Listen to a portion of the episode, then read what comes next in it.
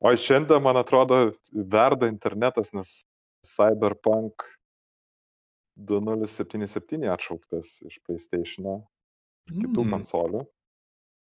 Ir, ir Mhm. man atrodo, čia yra toks, nu, kaip ir didelis labai įvykis, nes pasirodo, jis labai bagovas buvo tas žaidimas tose platformose. Tai čia aš nesu, nesu žaidęs, bet man čia toks nu, užsifiksavo, kad visi siaučia dabar visur. dėl, tos, dėl to dalyko. Aš galiu pasigirti, aš nesu gameris, bet žaidžiau šitą žaidimą. Taip. Nu ir kaip, papasakok. Tai aš pasinaudojau šituo GeForce Now, kur kažkada jau anksčiau pasakojau praeituose epizoduose, kaip aš e, Fortnite žaidimą sužaidęs su tuo. Tai aš dabar, e, jo, tiesiog per GeForce Now nusipirkau Steam žaidimą praeitą, jo, praeitą gal penktadienį ir, ir praleidau savaitgalį kelias valandas žaisdamas. Aš kadangi nesu toks didelis gameris, tai biškai buvau skeptiškas, bet bent jau man niekas nelūžo, niekas nestriginėjo ir viskas iš tiesų taip visai smoothly veikia.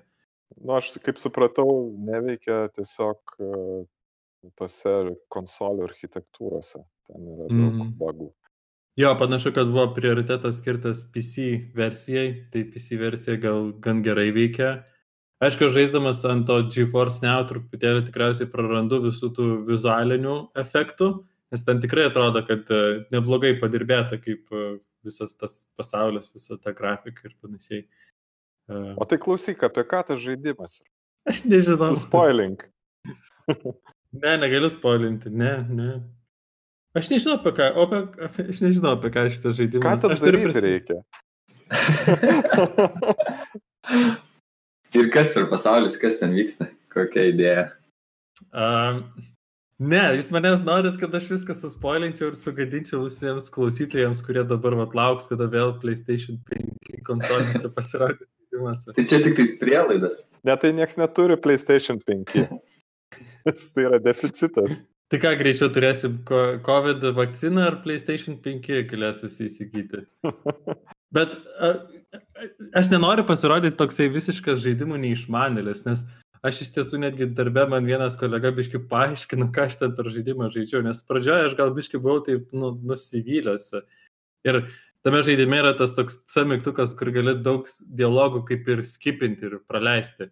A, Tai aš dar prisipažinsiu, kad aš dar nepriejau iki to levelio, kur yra tas toks free play. Uh, tai man, aš dar esu tam tokiam storyline, kuriame ten uh, pasakojama istorija, kaip tas, ten turiu įvykdyti kelias misijas ir to pačiu daug yra dialogų ir taip toks tarsi biški jauties labiau netgi filmą žiūrintis, o ne žaidimą žaidin- žaidžiantis.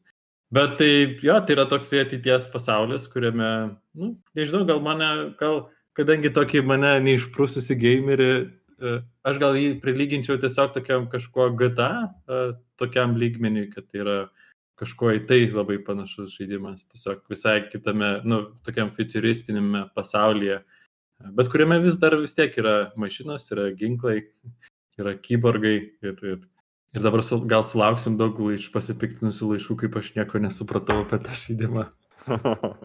Tai o jūs ar žaisit šitą žaidimą? Aš tai tikriausiai kažkada žaisiu, bet e, kai, kai turėsiu tik tai galimybę, šiuo metu nelabai turiu, tai man kaip ir e, kaupėsi daug smagių e, ateities dalykų. kažkada išnaudosiu tą. O, o, tadai, o tadai, tu ar žaisi šitą žaidimą? Aš tai nežinau, gal, nu, gal ir pabandyčiau, bet aš kažkaip nesu taip, kad labai jau nekantraučiau. Nežinau, man ten viena tai gal nelabai patinka, ten aš kaip suprantu irgi toks smurtų paremtas žaidimas, tai man gal kažkaip netraukia labai tokie smarkiai. E, bet e, nežinau, gal ir pabandyčiau kada, bet taip. Jeigu labai jau girs visi, tai gal pabandysiu, bet kol kas tai taip skeptiškai nusiteikęs. Na tai apie ką toliau šnekam? Šnekam apie, galbūt apie armą ir, Mm. ir, ir Mhm. MacBookus. A, tiksliai, pamiršau jau, kad šitą žadėjom aptarti. Tai kaip jums apskritai atrodo, tai yra exciting technologija, ar, ar matot labiau to, kad dar viskas labai nerimta ir turės pasitempti? Man tai atrodo labai exciting čia viskas. Ir aš, nu, aš tai gal ir šiaip bendrai, tik žinai, į optimizmą linkęs žmogus. tai, aš, tai aš džiaugiuosi.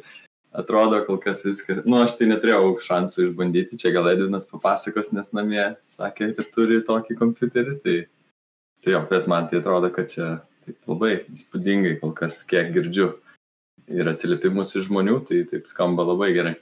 E, man kas yra labai toks kaip e, nuostabus dalykas, kad daugėja tų įrenginių, kurie yra ne tik tokie kaip čia e, mažiukai IoT devaisai, kurie ant arminių procesorių, o jau kažkas yra rimtai galingo atsiradę ir man tai yra atrodo įdomus mm. toksai žingsnis, nes su tuo atsiranda tokios labai naudingos savybės, kaip ten, pavyzdžiui, memory, šitasgi power consumption sumažėjimas ir panašus dalykai. Tai mm. man atrodo, šita vieta yra labai faina. Intel procesoriai e, dabar jie iš tiesų kaip užstrigo. Būtent Taip. ARM procesoriai, jie labai sėkmingai, jie sugeba juos vis mažesnius ir mažesnius gaminti. Dabar net nebeprisimenu, koks ten tas nano uh, metro dydžio jau gamina tuos tranzistoriukus. Uh, tikriausiai tai yra gal irgi pasiekmė to, kad ARM procesorius yra toks iš dalies primityvesnis. Ten mano žiniomis yra daug, papra... tai yra, nėra tokių sudėtingų operacijų, kokias, pavyzdžiui, Intel procesorius gali atlikti. Ir gal tas taip labai stipriai net ir komplikuoja, kodėl Intelis negali dabar prisivyti tokio, tokio progreso, kurį va, daro būtent tie ARM procesoriai. Bet iš dalies man toks atrodo, kad nežinau, man taip atrodo, kad Inteliui taip jie viskas, jie sustojo, jie tarsi atsitrenkė į lubas ir jiems nebepavyksta, nu, tiesiog nebepavyksta tobulėti tame, tam greičio performanso Ir kas tikriausiai yra pagrindinė priežastis, jog nebesugeba tos mažesnius procesorius gaminti, kurie pasakoja mažiau energijos naudotų, dėl to gal ir baterijos vat, ilgiau laikytų ir mažesnis tas karščio outputas e, būtų. Man, tai atrodo, kad čia su Inteliu tai iš vis yra tokia, kaip jam nesėkminga labai e, kelių metų virtinė, tokia kaip E, ypač kai viskas prasidėjo su tais security skandalais, ten kai buvo Spectre Meltdown ir paskui dar keletas sekė, tai man atrodo, jie visi labai buvo, e, tie visi tokie kaip iššūkiai to saugumo, jie būtent buvo atrasti tose vietose, kur Intelis buvo įdomių sprendimų padaręs tam, kad jų procesoriai greitai veiktų. Ir panašu, kad šiuo metu, tarkim, dauguma operacinių labai smarkiai yra ta, tuos, tas savybės, tas greitasias yra priboja ir, ir, ir tas našumas Intelio procesoriaus yra pakankamai kritęs. Ypač tų, kaip čia pasakyti, senesnių galbūt modelių, aš nežinau, kaip naujose, nelabai sekiau, ar jie, jiem ten pavyko kažką daugiau išspręsti, bet žinant, kad procesoriaus kūrimas užtrunka ne, ne, ne taip ir trumpai, ten keletą metų ir turbūt netgi pati architektūra E, ištobulinama iki tol, kol pasiekia galutinį vartotoją, turbūt tai yra gana ilgas procesas. Tai aš taip spėčiau, kad tuomet, kai, atrado, kai atsirado Spectre ir Meltdown, Intelis visiškai nebuvo pasiruošęs ir neturėjo jokių gerų planų ateičiai ir jie jau turbūt buvo suplanavę e, tam tikras savybės, e, kurias leis naujose procesoriuose ir jie turbūt išėjo ir tos savybės pilnai neveikia. Tai čia matyti yra tas kirvis Inteliui Ir čia yra labai šiaip įdomus toksai e, dalykas man su Inteliu. Tarkim, Intelio, pažiūrėjau, kai mes šnekam apie armą, tai ar, armas dažnai labai minimas, nu, kad ten yra daugiau tų pačių instrukcijų. Bet pats procesorius yra gerokai paprastesnis. Kai tuo tarpu į, į Intel architektūra jinai yra e, instrukcijų prasme paprasta, bet pats procesorius labai daug gali padaryti optimizacijų. Mhm. Ir man atrodo, kad čia yra va ta įdomioji dalis, dėl ko man, pažiūrėjau, tas Mako visas išleidimas ant naujos architektūros ir, ir padarimas e, to tokio e, galimybės, kad galima leisti e, senas programas sukompiliuotas Intelio architektūrai, čia yra turbūt ta įdomioji dalis, nes tie procesoriai turi labai daug iššūkių. Ir, ir, ir man atrodo, čia Apple'as padarė, nu, tiesiog įspūdingą darbą, nes jie mhm. sugebėjo tam tikrus dalykus emuliuoti, e, šiek tiek ten e, pakeisti, kaip procesorius veikia ir, ir man tai atrodo yra ta nuostabioji dalis, nes iš tikrųjų čia galbūt netgi reiktų pasigilinti, ką, apie ką aš neku, nes tarkim, tam, kad mes, tarkim, iš vienos architektūros permestume į kitą, gali atrodyti, kad tiesiog užtenka paimti, nežinau, byte kodą ir jį ištransliuoti į kitas instrukcijas, bet iš tikrųjų tai nėra taip, nes, pavyzdžiui, Intel architektūra ir, ir ARM architektūra, jinai garantuoja, tau duoda tam tikras garantijas. Pavyzdžiui, ir viena iš tokių garantijų yra, kaip tu gali atminti pasiekti. Tai yra, kaip procesorius, ką jis ir kokiu metu pamato. Ir tarkim, Intelis turi labai daug garantijų, kad tam tikri dalykai atsitiks iš vartotojo kodo pusės žiūrint, uh, garantuota tvarka, kai tuo tarpu armas tokių dalykų kai kuriuose vietose jau nebedaro. Ir dėl to, pavyzdžiui, tas transliavimas yra gana sudėtingas, nes labai yra sunku, ar kaip tą vartotojo programą pakeisti, kad jinai veiktų kitoje uh, architektūroje. Tai man atrodo, kad Intelis šitas uh, Apple'as čia žiauriai kietai pavarė, nes jie surado būdą, kaip uh, netgi pasižiūrėjus į tuos benchmarkus, panašu, kad tas būdas gana neblogai performina. Mhm. Nes tai realiai riboja tam tikras arminio procesoriaus galimybės. Ir, ir, ir man atrodo, kad tai yra iš tikrųjų labai nuostabus iš inžinerinės pusės dalykas. Taip, na ir, ir tikriausiai jie gal jau istoriškai turėjo savo tokį kaip ir know-how, nes jau yra vieną kartą taip darė, jie vieną kartą jau taip migravo, tuomet į Intel pasaulį, dabar jau iš Intel pasaulio. Tai galbūt jie ir turėjo tokį, ir tos, žinojo, kaip tas procesas kaip ir vyksta ir, ir gal tai padėjo, kažkiek gal sugebėjo išsaugoti to savo kultūrinio DNR ir, ir sugebėjo dabar tiesiog dar kartą taip uh, sėkmingai tą įgyvendinti tą rozetą, berats rozetą vadinasi, ar ne tas. Jo, jo, jo. Mhm. Ši, šiaip yra tas įdomus dalykas, aš apskritai, vad kiek Apple atsimenu, man tokių įdomių istoriškai dalykų buvo, aš atsimenu, kai jie Safari browserį padarė. Ir, ir jie tą padarė realiai, nu, jiems reikėjo browserio ir jie pas, pasiemė ten kelis codebase'us ir ten vieną iš codebase'ų, kurį nagrinėjo, buvo Firefox codebase'as ir jį atmetė, nes jisai buvo tiesiog per sudėtingas lengvai ten pakeisti ir pasirinko tokį visiškai, man atrodo, tuo metu nišinį dalyką ir dabar apskritai turbūt net nežinau, ar kas nors naudoja, Conqueror yra toksai KDE mhm. browseris ir, ir ta, tas codebase'as buvo pakankamai paprastas ir jį pasiemė ir jį tiesiog paėmė savo architektūrai, mokindami po truputį, realiai vienas žmogus tenai keletą savaičių dirbo ir padarė kažką veikiančio. Ir paskui iš viso šito e, jau tada normali grupė inžinierių paėmė ir, ir sutiudino visus tos parametrus. Tai man atrodo, kad Apple'as tikrai daro tokių įdomių inžinierinių projektų. O mes gal abu skaitėm tą pačią knygą, nes aš irgi dabar prisimenu šitą istoriją. Jo, yra, yra, yra knyga netgi, man atrodo, to pačio inžinieriaus parašyta, kaip mhm. jis tą darė. Taip, kaip gal parasi kažkas su creative, creative, dabar bandau prisiminti, kaip tiksliai vadinasi, nes reikės įdėti jau į nautsus. Tarp kitko, visai įdomi knyga, aš, aš, aš ją skaičiau smagiai skaitosi, nes jinai iš tikrųjų yra parašyta tokia, nu, suprantama kalba, parašyta apie sudėtingus dalykus ir ten autorius yra inžinierius, kuris realiai tą ir darė. Ir tai yra žiauriai faina, nes tai susipina ir su visa ta Apple kultūra, kaip ten, mhm. sakykime, pristatymus jie darė, Steve Jobsui ten, kaip, kaip tai yra iš tikrųjų nejauku ten tos pristatymus daryti ir kaip pati apskritai ta kultūra, kai Steve Jobsas ten per kelias sekundės priima sprendimą ir pasako ne taip. Ir toks, nu, iš tikrųjų įdomu pajausti, e, kaip tai veikia.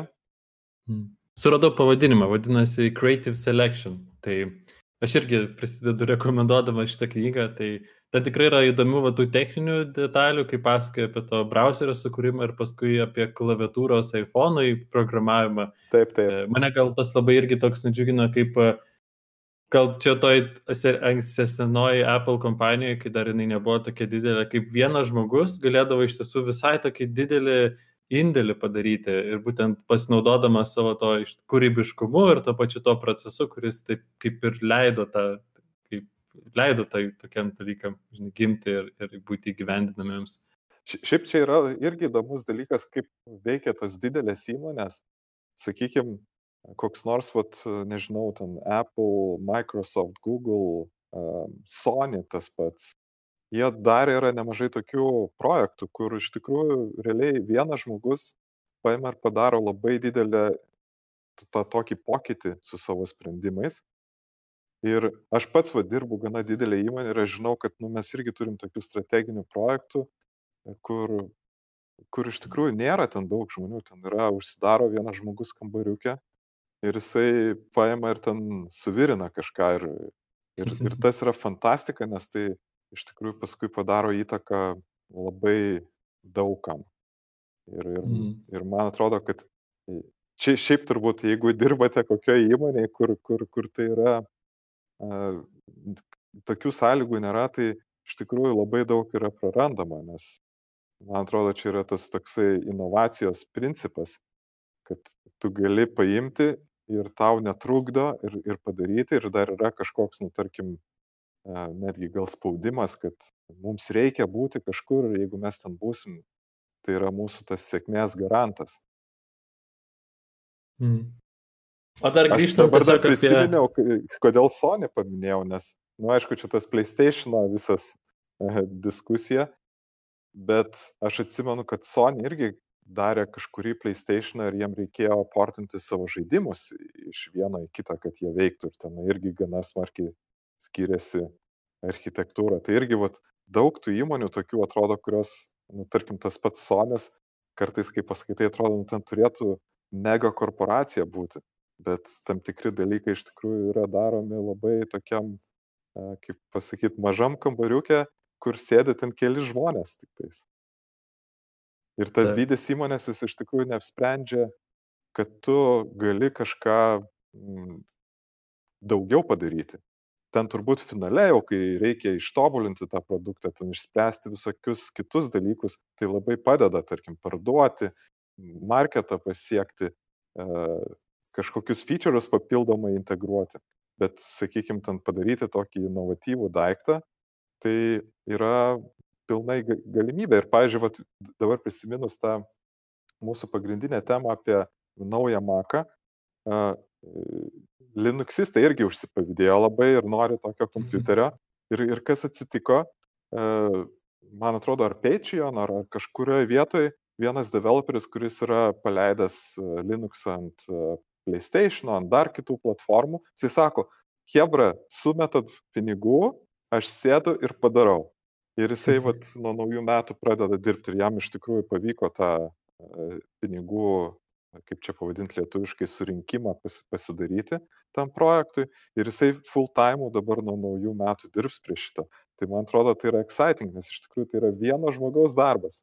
Mm, geras. O kurią jis, ar jis tiesiog tokį kaip Linuxą, Linux, Linuxo kernelis, kad veiktų, ar jisai kažkokį ir netgi imsis tą jau distribuciją Linuxo adaptuoti?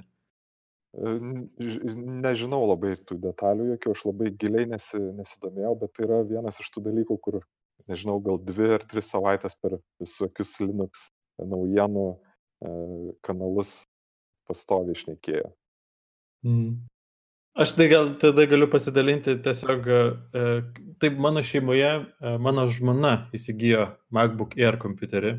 Aš manau, kad dabar tai yra vienas iš tokių produktų, kur sakyčiau, aišku, biški gal liūdno, kad neįvyko jokių tokių dizaino update'ų, ten gal galėtų jau kažkokie dalykai irgi pabiški atsinaujinti. Noriu dar vienos juostos, tai touch, touch juostos, reikia mažinti klaviatūrą. MacBook Airas neturi touch baro, jis todėl dar yra dar tik nuostabesnis kompiuteris. Jis yra fully keyboard su F1, F2 visais tais e, audio control mygtukais, nėra touch baro, neturi ventiliatorius, yra lengvas, elegantiškas. Na, ką aš norėjau gal sakyti, ai, nu, vat, kodėl gal tikėčiausi, kad jie galėjo biškutį net ir ekraną padidinti, mažindami tą bezel. Galėtų webkamera būti geresnė, galėtų būti face tas ID nuskanavimas, kad atrakinant kompiuterį, kad nereiktų gal visuomet tą, tą pirštą dėti. Bet tai dabar aš turiu gal du dalykus, kurių labai taip, nu, atrodo, tikrai pavydžiai žvelgiu į jos kompiuterį, nes pirma, kad tas kompiuteris neturi ventiliatoriaus. Ir man asmeniškai aš labai daug laikau savo tą kompiuterį irgi va, tame clamshell, taip, taip tikriausiai tas terminas yra, kai uždarytas, monitoriai yra pajungti, bet kai reikia paimti ir pradėti dirbti su juo ant kelio ar kur nors ir ta kaitra, kiek karščio jisai turi ir tada galiausiai tas užėsys, kuris ateina, nežinau, aš net jau irgi, čia buvo toks irgi savaitgalio trendas, kaip visi pradėjo išinstaliuoti chromą nes daug kas atrado, kad chromas kažkokiu būdu sugeba prisidėti prie labai daug resursų valgymo ko dar net nesimatom tame Activity Monitor. Man irgi atrodo, kad išinstaliavus dabar vėsesnis kompiuteris veikia. Bet pats principas, kad gali turėti kompiuterį, kuris uh, dabar vat, veikia tiesiog be ventiliatoriaus, uh, aš beveik nematau, kad jinai tą savo kompiuterį krauna, tai panašu, kad jį reikia labai retai krauti, tai toks tikrai atrodo toks didelis progresinis žingsnis, kažkas tokio, kažkas atrodo pasikeitė nuo jeigu visus kompiuterius galėjom sakyti, a, nu čia smulkiai iteracija kažkoks toks, truputį pagerėjo, truputį buvo patobulinta, dabar toks atrodo, okei, okay, čia visiems uh, kitiems uh, reikės nemažai irgi taip uh, vytis dabar, kad pri, prilygti tokiam, tokiam privalumam. Šiaip, šiaip įdomus vad dar dalykas su tuo arminiu kompiuteriu yra tai, kad šiaip visi, pavyzdžiui, tie mobilūs renginiai yra labai jautrus, kai daug JavaScript turi. Tiesiog tas procesorius nėra pajėgus e, taip gerai dirbti, kaip, pavyzdžiui, desktopai mūsų ar ten laptopai. Ir man įdomu, kaip, kaip iš tikrųjų bus dabar su tuo Maku, nes nu va dabar paminėjai Chrome e, ir, ir įdomu, kaip tos JavaScriptinės instrukcijos gerai performance. Aš iš tikrųjų mačiau, kad irgi yra kažkoks ten instruction setas tame pačiame transliavimo mechanizme ten padarytas, kuris padeda JavaScriptą efektyviau vykdyti. Bet man įdomu, ar, ne, tarkim, aš noriu netgi paspekuliuoti, ar nebus taip, kad pagaliau tai bus ta įtaka, kuri privers mus pagalvoti, kaip mes programuojam savo websaitus.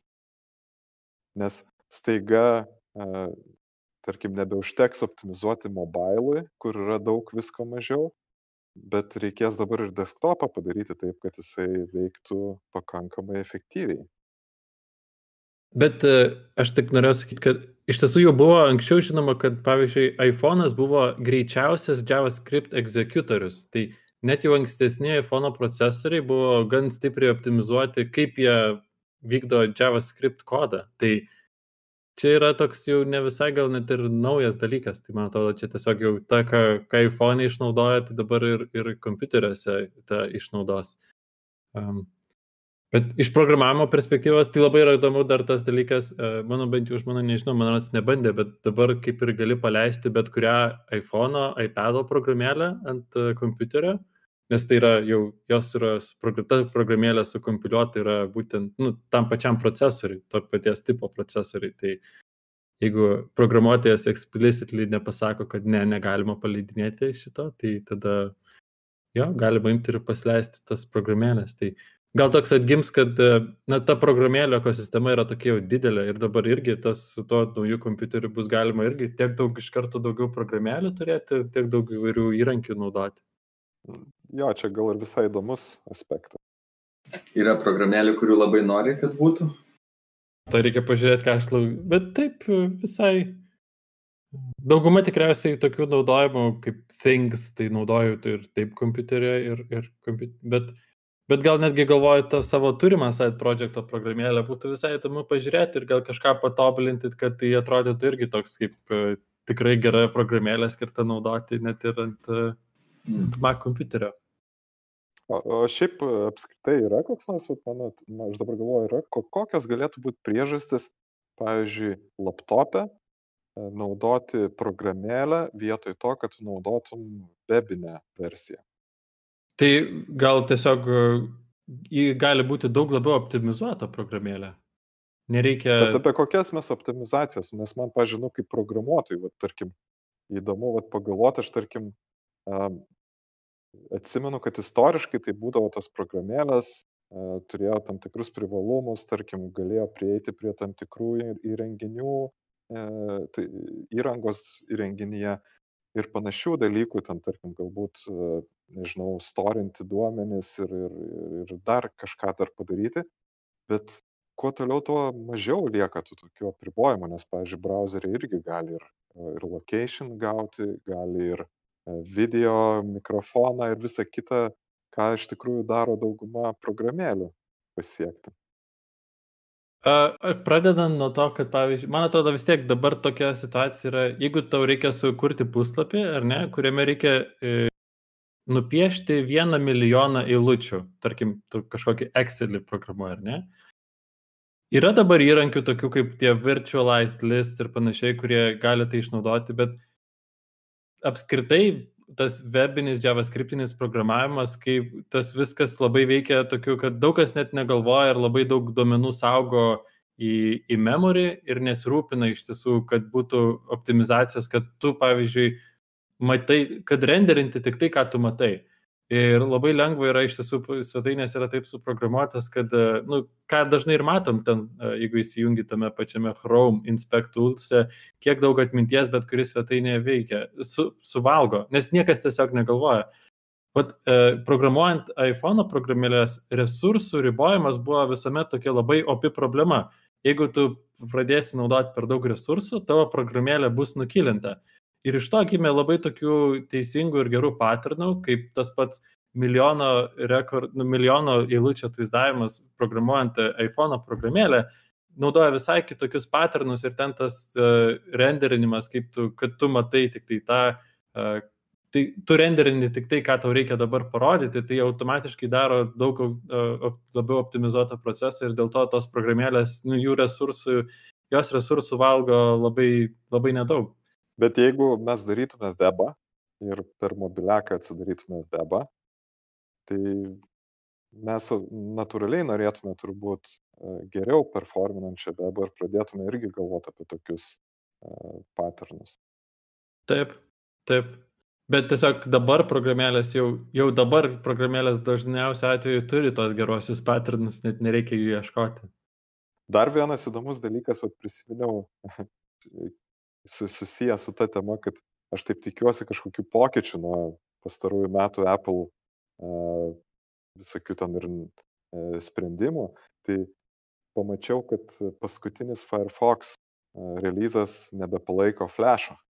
Tai turbūt galima sakyti, kad nebeturim flash'o visiškai jau. Čia turbūt net žmonės nebeatsimena, kas tai yra. Ir šiaip įdomu, kodėl, vat, tarkim, tas flashas tiek ilgai išgyveno, tarkim, tokiam browseryje, pavyzdžiui, kaip Firefox, nes iš tikrųjų reikia prižiūrėti ir maintaininti tą kodą. Pasirodo, kad yra visokių didelių įmonių, kurios naudoja uh, Firefox ir turi daug programinės įrangos, kuri paremta flash technologija. Ir, bet aš dabar, kai galvoju apie flashą, tai čia reikia vis dar dėkoti Steve'ui Jobsui Jis buvo tas, kuris padarė visa, visi, visam programuotojų bendruomeniai naudą, paskubindama šitą procesą imti ir atsikratyti to. Aš turiu tokį klausimą. Kaip manot, kas gero nutiks kitais metais? Nes šie metai buvo tokie e, įdomus, bet tarkim, jeigu pažiūrėti iš technologinio progreso, kaip galvojat, kas faino atsitiks? Labai sunkus, bet ir labai geras klausimas. Šiemet išėjo PlayStation'as. Išėjo Makas su nauja architektūra, dar visokių smulkmenėlių. Kas bus kitais metais? Bitcoinas kils dar? Gal vieni metai per mažai, nes atrodo tokie, žinai, inkrementiniai patobulinimai vyksta. Nežinau. Aš tikras, kad kitais metais išeis toks, toks MacBookas ir, ar iMac'as, kuris jau bus labiau orientuotas net į programuotojus, į tuos tokius heavy userius, tai gal mes ir visi uh, irgi imsim, atsinaujinsim ir pradėsim, nu, gausim dar gal greitesnius ten procesorius. Ir aš gal dar norėjau galvoti apie, kad gal kitais metais uh, kažkokia socialinių medijų šiokia tokia revoliucija gal įvyks. Uh, ką, ką turiu omeny? E, gal tiesiog tas irgi tokia, gal ta banga atsisakyti Facebooko ir gal ir kitų Facebooko produktų gal pradės e, įgaus didesnį tokį mastą, bet tada tikriausiai atsiras ir kažkoks kitas naujas e, socialinis tinklas, kuris gal bus ir labai kitoks, bet to pačiu ir į mm. pozityvėją pusę visiems naudingas. Nu, įdomu, kaip čia, kaip čia būtų, nes žinai, kaip ir atrodo didelėm masėm, kaip ir Facebookas tinka, atrodo. Įdomu, kas dar tam visam machine learning pasaulyje tokio naujo įvyks, bet, bet net nežinau, sunku, sunku gal kažkaip įsivaizduoti, gal nesu įsigilinęs labai uh, į, į šitą temą.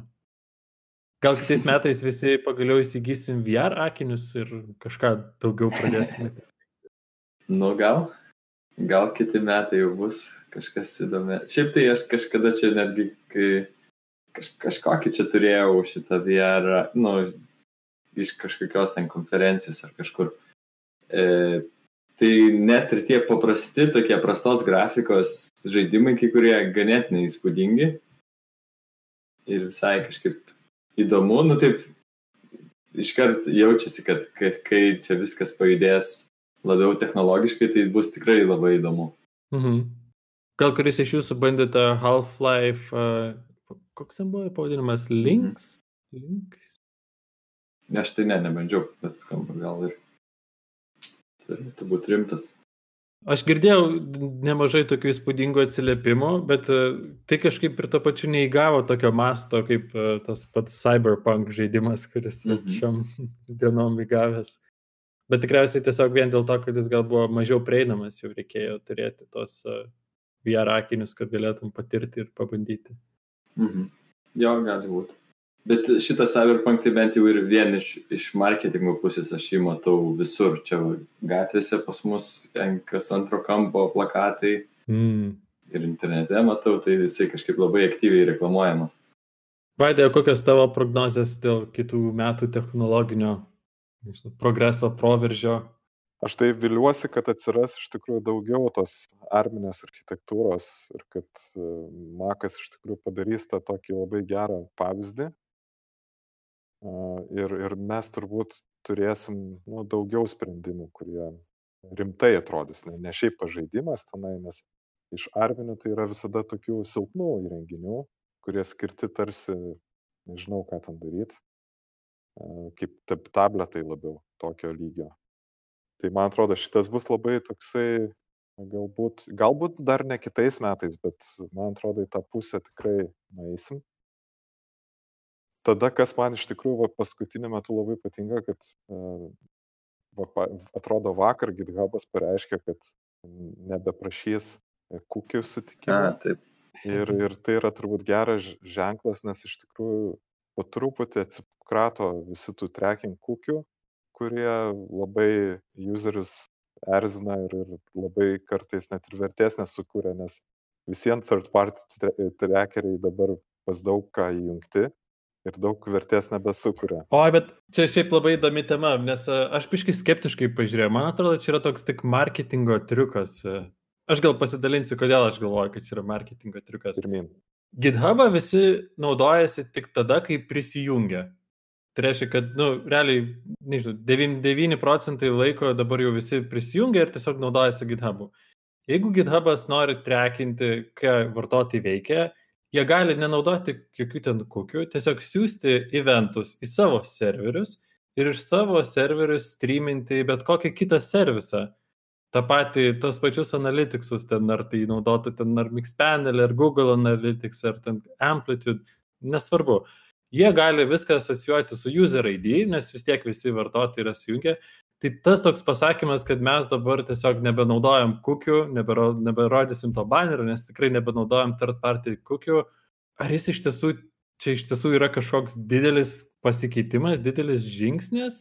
Uh, tarsi, man atrodo, kad čia tik parodo, kad tas, vat, tas kukių valdymas, ta kukių politika, kuri reikalauja ir to uh, acceptos kukius, man atrodo, čia yra kažkutį short-sighted. Čia toks tiesiog neapgalvotas ir dabar yra pakankamai daug kitų būdų ir įrankių, kaip tu gali vis tiek įgyvendinti trackingą, įgyvendinti fingerprintinimą userio ir tiesiog čia čia tavo pastangų ir noro klausimas, kaip tu nori tai apeiti, neapeiti ir kaip sofistikuotai tai įgyvendinti. Aš, aš pilnai sutinku, kad, e, nes realiai tą patį daro ir tas pats Google'as. Tai, tarkim, ką, kam ten eiti per kažkokius third party kukius, jeigu tu daug ką gali padaryti tiesiai gavęs requestą ir pas save jį procesinti. E, kita vertus, aš manau, kad nu, tas dalykas e, bus kažkiek tvarkingesnis. Tarsi, kad tu trekintum backendą, man atrodo, tau reikės šiek tiek e, pagalvoti, ką, ką tu darai, nes tai nebebus taip paprasta, kad įmečiau tracking pixelį ir čia viskas veikia puikiausiai. Ir plus, man atrodo, userių privalumas, nu kiek galima spausdyti tuos tuos dialogus, kurie šakinėja ir ten erzina. Tas tiesa, tas tiesa. Nes e, visos tos teisinės atsakomybės e, rink, nerinkti duomenų be sutikimo kaip ir visiems jos galioja. Tiesiog nebėra to tokio nu, keisto, e, nepatogaus e, user experience, kurį mes turim. Tai man atrodo, čia yra toks kaip ir privalumas. Kitas privalumas yra tas, kad sumažėja requestų. Iš, tai yra vietoj to, kad tą trekinimą aš turiu daryti pats ant savo kompiuterio, aukoti savo e, aušinimą procesoriaus ir taip toliau, būtent tokiam bergžiam darbui, tai jeigu kažkam reikia, tai, tai tegu jie patys ir pasidaro. Bet žinai, dabar kaip niekad mūsų kompiuteriai yra greitesni net dažnai negu tikriausiai tie serveriai, kurie renderina mums tą turinį ir responsus. Nu, aš tik kažkaip visą laiką galvodavau, kodėl, nu ir dabar galėt, e, kodėl ne, kažkaip neįvyksta toksai lūžis, lūžis tai ant naršyklės, kad būtų naršyklės kaip ir natively tą, tą, tą kaip ir sutikimą e, galėtų paklausti su to sutikimu. Tai iš tikrųjų yra tokių sprendimų, yra extensionų, kurie tą daro. Ten, pavyzdžiui, Aš tai turiu kažkokį, bent jau turėjau kažkada susinstaliavęs, kuris tenai tuos tiesiog dialogus naikindavo. Mhm. Nu, tarkim, daug labai dialogų yra tiesiog inf informacinio pobūdžio, kad trekina nu, ir tu nelabai gali kažką pasirinkti. Ir tada yra tokių, kurie sako, nu tai tu dabar čia susis, pasikonfigūruok, mhm. ką mes čia trekinsim, tai jie iš vis yra žiauriai annoying, nes what's the point? Yeah, Nes aš ten nueisiu ir specialiai sakysiu, kad, nu gerai, parinkit analitikos čia apie mane, nu, net, net nesuprantu, kam, tu, kam tai turėčiau no. daryti. Tai yra tokių extensionų, kurie tos standartinius iškerta. Nu taip, tai extensionų tai yra, tai viskas gerai, bet čia, žinai, panašu kaip atblokinimas šiek tiek. Tai taip, taip. kažkaip aš tai norėčiau, kad tiesiog pats browseris galėtų kažkaip turėti kažkokį kaip ir API, kad galėtum, žinai, sakyti, okei, okay, aš sutinku kukius šit, ar ten, tarkim, šį, šį kartą šitam website'ui, ar tiesiog visada imkite tos kukius ir, man, ir viskas yra gerai man, ar ne? Ir, ir, ir viskas, ir aš daviau savo sutikimą. Man tai mhm. atrodo, kad čia yra galbūt klausimas iš kitos pusės. Yra daug puslapių, kurie leidžia nesutikti. Tu paspaudi ne ir jisai nerenka iš tikrųjų. Nu, jis ten užsisetina mhm. kūkį, kad nesutikau bet jis toliau pilnai funkcionuoja. Būtų žiauriai faina, kad būtų toks e, pagal nutilėjimą nesutikimas ir, ir, ir tą gerbtų svetainės. Nu taip, tai čia. Bet šitas buvo, šitą browserį gyvenina, šitą do not track me. Įdomu, kiek yra svetainių procentiškai, kurios atsižvelgia į šitą parametrą. Jos kaip tik netgi čia dar nepatogiau ten visokių dalykų susi, pasidaro dėl to, kad tą do not track naudoji. Bet dabargi dar irgi šią savaitę buvo naujiena, na, Facebookas, tad Amerikoje visose didžiosiuose popieriniuose laikraščiuose išspausino tokius didžiulius pranešimus, kaip Apple ėmėsi irgi pakeitimo, būtent irgi apribodami tą cross-domain trackingą, ar ne, ar kažkaip ten, na, aš nesu tiksliai įsigilinęs, koks tas pakeitimas įvyko, Apple naujose operacinėse sistemose, bet, bet jie irgi imasi tų veiksmų tokių, kad tas, ta galimybė tarp skirtingų svetainių trekinti vis mažėtų, mažėtų, tai kažkoks lūžis tikriausiai irgi dar įvyks, kažkas pasikeis. Aš tarp kitko šituo feature'u kažk kažkada mes išnekėjom labai džiaugiausi. Jis labai atrodo patink, toks patinkantis. Šiandien vaidai kaip niekada esi pozityvus apie Apple ekosistemą. nu, aš iš, iš tikrųjų, jeigu taip jau sąžininkai pasakyti, aš visada Apple'ui pavydžiu hardvaro. Man atrodo tai, kad jie ten turi vieną operacinę sistemą, kuri normaliai veikia ant to hardvaro. Tai yra labai liūdna, nes man ta operacinė sistema labai nepatogi yra. Ir aš kartais darbę turiu ten ką nors patestuoti ant e, makinio kompo, tai ten būna toks, nu, susigadinimas dienos, nes atrodo kaip grįžti kokiais penkiais metais ar net dešimt metų į Unixą kažkokį, kuris ten daug dalykų neturi va čia yra man toks labai didelis skirtumas. Ir aišku, kai pradedi gilintis, kodėl, va, tarkim, kažko nėra, netgi paprastas pavyzdys, man atrodo, makė, bašas yra labai ilgai net naujintas, nes tiesiog dėl licenzinių visokių netitikimų Apple'as negali to padaryti. Ir Ir, ir mes iš tikrųjų, vat, nu, kas naudoja tokią proprietary sistemą, tai yra, man atrodo, didelė, dėl, dėl ko tas Z-shellas yra toksai e, gautu makose, dėl to, kad bašo žmonės tiesiog negali normaliai naudoti. Bet taigi gali įsirašyti, kokį nori. Bešai. Taip, tu gali, bet e, matyt, žinai, nu čia yra tokie kaip, kaip, kaip, kas yra, jau yra kompiuteryje klausimai. Nu, okay. šiaip tai būtų įdomu, gal daugiau apie šitą temą panarplėti. Tai man tai įdomu, kodėl tu galvoji, kad čia penkiais ar dešimt metų yra atgal kažkas. Nu, aš, aš nežinau, aš, vat, tarkim, nu, aš natūraliai, pavyzdžiui, dabar pasiemęs modernę operacinę sistemą, aš norėčiau, kad iš karto normalus ten langų tailinimas veiktų. Tai yra, aš, prisi, tarkim, prisijungiu ir ten su klavišais mėtau tos langus į, į dalį ten ekraną pavyzdžiui linuxo distribucijos praktiškai visas šitą turi jau nežinau kiek metų ir čia aš nešneku apie ta, tuo, tuos tokius šelus, e, e kuriuos ten naudoja tie hardcoriniai e, linuxistai, kur yra specialiai padaryta, kur ten kaip vime tu vaikštai po tos langus ir ten viskas, žinai, mėtosi. Tai man, pavyzdžiui, va tokių dalykų labai trūksta ir kartais galvoju, nu, kodėl taip yra sudėtinga, ten nežinau, paprasta kartais failą ten, e, ten su tašku pradžioje, jį yra žiauriai sunku susirasti. Ar ten dar kažkam, tu turi pradėti galvoti, kaip apeiti sistemą ir tas yra, man atrodo, labai nepatogu.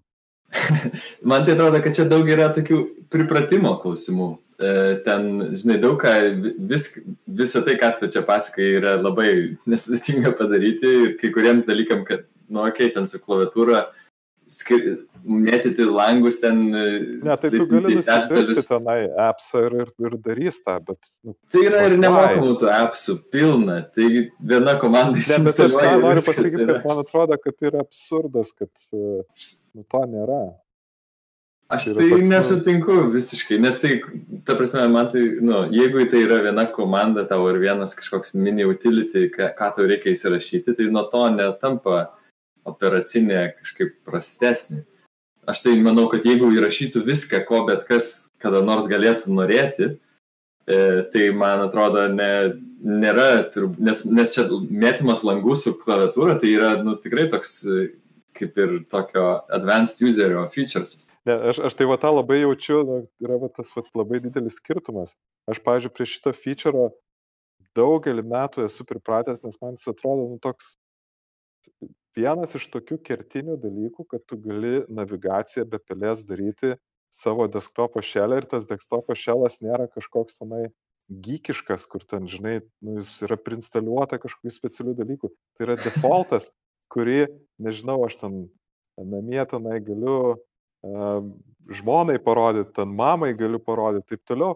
Tai yra tie dalykai, kurie, kurie gali, nu, tiesiog būti natūralūs ir tu tiesiog dirbi ir tau yra paprasta. Ir kai tu mhm. šneki apie uh, kokią nors tenai, uh, nežinau, sistemą, kurioje to nėra, tai man atrodo, kad tai yra nu, tiesiog praleista galimybė ir tai nėra kažkoks papildomas įskiepis. Tai yra tiesiog nu, kaip copy-paste. Bet dabar advanced stylinimo gal nėra, bet pavyzdžiui, kad galėčiau ten split screeną pasidaryti, šitas jau yra Mac operacinėje sistemoje. Aš galiu dabar vat, du langus vieną prie šalia, šalia kito sudėti, pasidalinti tą procentais, kiek išsiskaido. Šitas jau žinok yra, gal tu seniai bet naudojai. Gali būti, aš tiesiog e, nelabai ten followinu, nes aš, aš atsimenu kažkada pasimėjau ir man ten reikia porą dalykų padaryti. Ir nu, darbe pas mus dauguma yra makistai ir aš paklausiu ir jie net nežino, apie ką aš neku ir man tai yra nu, toks, tas, tas pasaulio atskirtis yra, kur e, viskas uzurpuota vieno e, būdo ir tas būdas jau jisai dėl to, kad jis ne, nebėra, kaip čia pasakyti, jam niekas nesukuria konkurencijos, jisai sustojęs yra toje vietoje. Bet čia, ne, aš tai irgi nesutinku, aš manau, čia taip pat kaip, kaip žinai, kai tu ateitum ten uh, Vimo userio, bandytum paklausti, kaip Emaxų komandas reikia į, įvykdyti. Bet Vimo čia nėra Vimas ir Emaxas, nes Vimas ir Emaxas yra gyki dalykai. Čia yra. Ne, ne, bet tiesiog... aš čia yra tiesiog palyginimas, kad, žinai, susikalbėti tarp pat, skirtingų platformų, sistemų vartotojams yra visuomet yra, visuomet atsiras tokių detalių, kurių aš taip pat galėčiau sakyti, kad ar yra Ubuntu, ne, sorry, ne Ubuntu, bet yra Linux tokia distribucija, kuri turėtų tokias galimybės, kaip dabar mano trackpadas ant, ant Apple kompiuterio gali, kur galėčiau ten tarp langų naviguoti, tarp skrynų naviguoti ir ten ket, keturis, tris pirštus ar du pirštus naudoti. Tarp kitko, šitas dalykas uh, irgi, manau, kad nu, ta, ta, ta, ta vieta, kur Apple'as tikrai gerai yra padaręs, Ir tas. Ir man atrodo, čia daug... turėtų būti irgi kaip defaultas visas. Bet čia, žinok, dar labai priklauso nuo to, kokį trackpadą turi. Na va, tai, tai va. Tai... Va čia, čia viskas susiveda dar vėlgi, sakau, kad yra hardware dalis, kuri labai smarkiai įtakoja tą experience. Ir, ir, ir kartais tu tiesiog, nu, negali kai kurių dalykų turėti, nes e, nėra tokio, pavyzdžiui, kompiuterio, kuris būtų alternatyva tam. Mhm. Tai, tai Tiesa. tai šitoje vietoje aš be abejo nenoriu kažkaip, manau, kad tikrai e, Makai turi daug gerų dalykų išdirbtų, bet operacinė sistema, man atrodo, kad jinai stagnuoja. Yra vietų, kur pritarčiau, yra tikrai tokių vietų, kur atrodo jau uh, apsileisti ir, ir kažkur klaidos nėra ištaisomas. Uh, seniau dalykai atrodo tikrai smūtli labiau veikia, bet, uh, bet jo, bet čia yra Būtų įdomu pabandyti pasdirbti mėnesį su Linux distribucija ir pažiūrėti, kiek ten, kiek ten surasčiau tokių roadblocks, kurie, kurie... Aš tarp kitko žmonėm niekad nerekomenduoju. Nustojau tą daryti turbūt prieš kokius gerus dešimt metų, nes e, manau, kad e, Linuxas yra do it yourself labai turi tą tokį požiūrį. Tai yra, kad sėkmingai jį naudotum, reikia ateiti nusiteikus, kad reikės uh, turbūt ieškoti ir, ir, ir, ir užtruks, kol tu surasi tai, kas iš tikrųjų yra, nu, nes tu turi pasirinkimo, pavyzdžiui, tie patys uh, desktopo šelai, tokie kaip, pavyzdžiui, Ubuntu turi ten GNOME dabar, arba ten, pavyzdžiui, aš naudoju XFC ir panašiai, tai jie, man atrodo, yra, ta prasme, jie labai skirtingi ir ten, tarkim, nu, reikia pabandyti ir mm. turėti kantrybės kartais. Bet iš dalies gal Apple operacinė sistema irgi yra do it yourself, bet reikia susirasti App Store ekosistemai programėlę, kuri tą uh, įgalins tave padaryti. Man atrodo, tai yra ne tas pats, nes aš, nu, čia toks pat kaip copy-paste reiktų instaliuoti. Nu, būtų, man atrodo, per daug. Nu ką, tai ką, reikia baigti šiandien? Tai palinkėsiu būti kantriai su savo šeimos nariais, gražių švenčių ir likit sveiki. Ir linksmai sutikit naujus metus. thank you